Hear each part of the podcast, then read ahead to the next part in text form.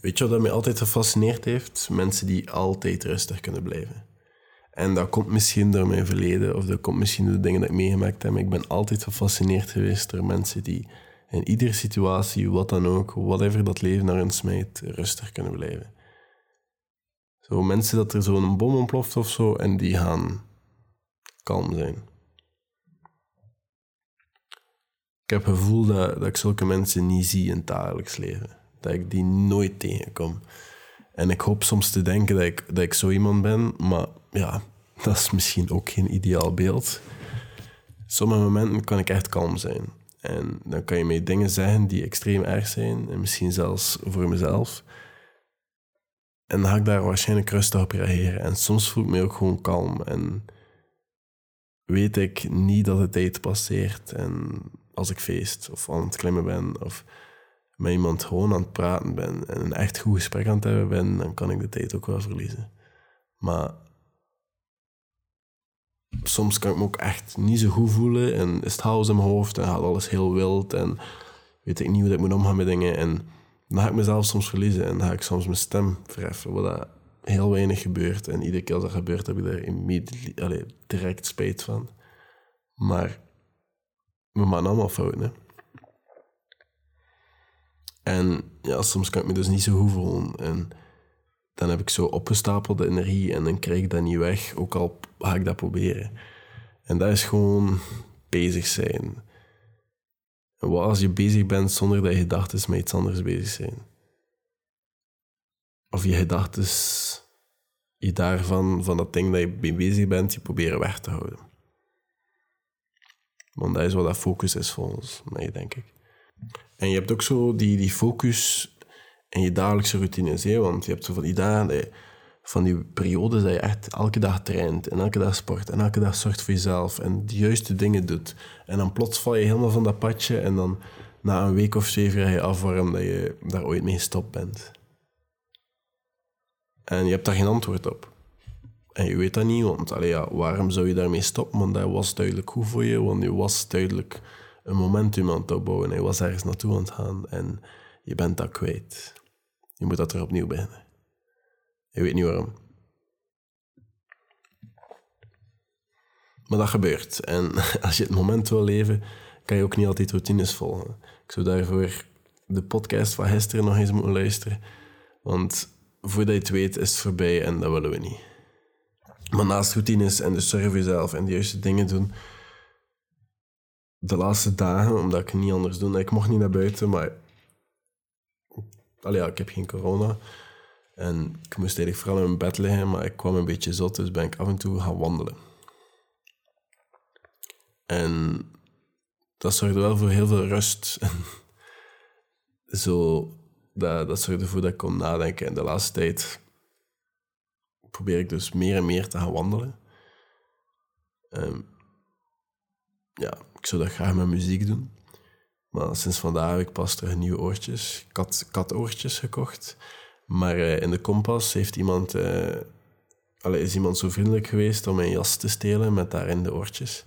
Dus moest iemand een zwarte jas van de North Face hebben, een regenjas, ah, wel, um, enjoy, ja. Dat moet ik ermee zijn. Maar dus ja, ik heb nieuwe oortjes en mijn muziek of zo. Maar soms ook gewoon... Allee, ik heb dat nu afgelopen week zonder gedaan en dat was ook wel nice. Zo gewoon even nadenken. Nietzsche, dat is een filosoof, ja, ondanks dat zijn, zijn denkwijze zelden of nooit ondergrond genoeg was en die mens heel weinig contact had met mensen, maar echt heel weinig, was veel wandelen niet zo dom. Want allee, Nietzsche zijn routine was simpel. Die stond op en als hij niet moest overgeven, dan dronk hij glas melk. En dan ging die voor vier uur wandelen, denk ik. Om dan net na de middag te gaan eten in een hotel dat hij leuk vond. Um, waarom na de middag? Omdat hij social anxious was, waardoor hij veel minder mensen zijn daar na de middag. Dus moest hij onder minder mensen komen. En dat vond hij leuk, want hij zag niet zo graag mensen. Met dat mensen gaan werken en zo, die dingen, dan zei ze daar niet. Hè. En dan ging hij weer gaan wandelen voor een stuk of acht uur of zo. En dan ging die s'avonds verder werken aan zijn bureau en dan ging hij zichzelf voeden met al het fruit dat hij daar had. Want Nietzsche had heel veel fruit. En dat was zijn routine een beetje. Dus die man ging heel veel wandelen. En die deed dat ook super raar. Want die, die was overtuigd dat hij de beste ideeën kreeg wanneer hij aan het wandelen was. En hij stopte ook regelmatig om zijn gedachten neer te schrijven in een boekje. Maar los dat zijn gedachten niet altijd even juist waren, of dat ik daar niet altijd volledig mee akkoord ging, of ha, um, is wandelen wel niet zo'n slecht idee. En dat heb ik zelf ook de laatste dagen een beetje kunnen merken. Maar lezen, lezen is ook nog zoiets. En dat is iets wat ik nu nog altijd veel te weinig doe. Maar ik, ik merk dat wel. En goede boeken, geen self-help boeken, want um, ik ben nu weer maar wat meer zo doorgronde verhalen en zo te lezen. Wat je wel eens, al die self-help boeken komen een beetje op hetzelfde neer. Hè. Je moet meer tijd maken, je moet je zin wegleggen. Allee, ik heb er nu wel een fair amount van gelezen en ik ben ze een beetje beu. En dat klinkt super cru en super... alleen maar... Sorry, maar ik snap niet waarom dat die zoveel... Er zijn zoveel echt goede boeken en dingen. En ik, ik, ik heb echt veel geld en zo tijd verspild aan zo boeken die een beetje op hetzelfde neerkomen. Maar pas op, er zijn wel een paar boeken tussen. Hè, maar veel van die boeken... Ik zei het, ja, nee. En dan de, goede boeken... Nu begin ik zo een boekenkast... Alleen, nu. Alleen, nu begin ik zo boeken te krijgen en zo boeken te kopen dat ik zo denk van, ik zou die liever omdraaien.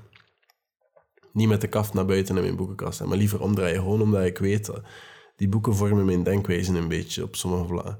En als mensen hier komen, of door mijn filmpjes of zo, kunnen ze mijn boeken zien of zo, dan kunnen ze mijn denkwijze zien.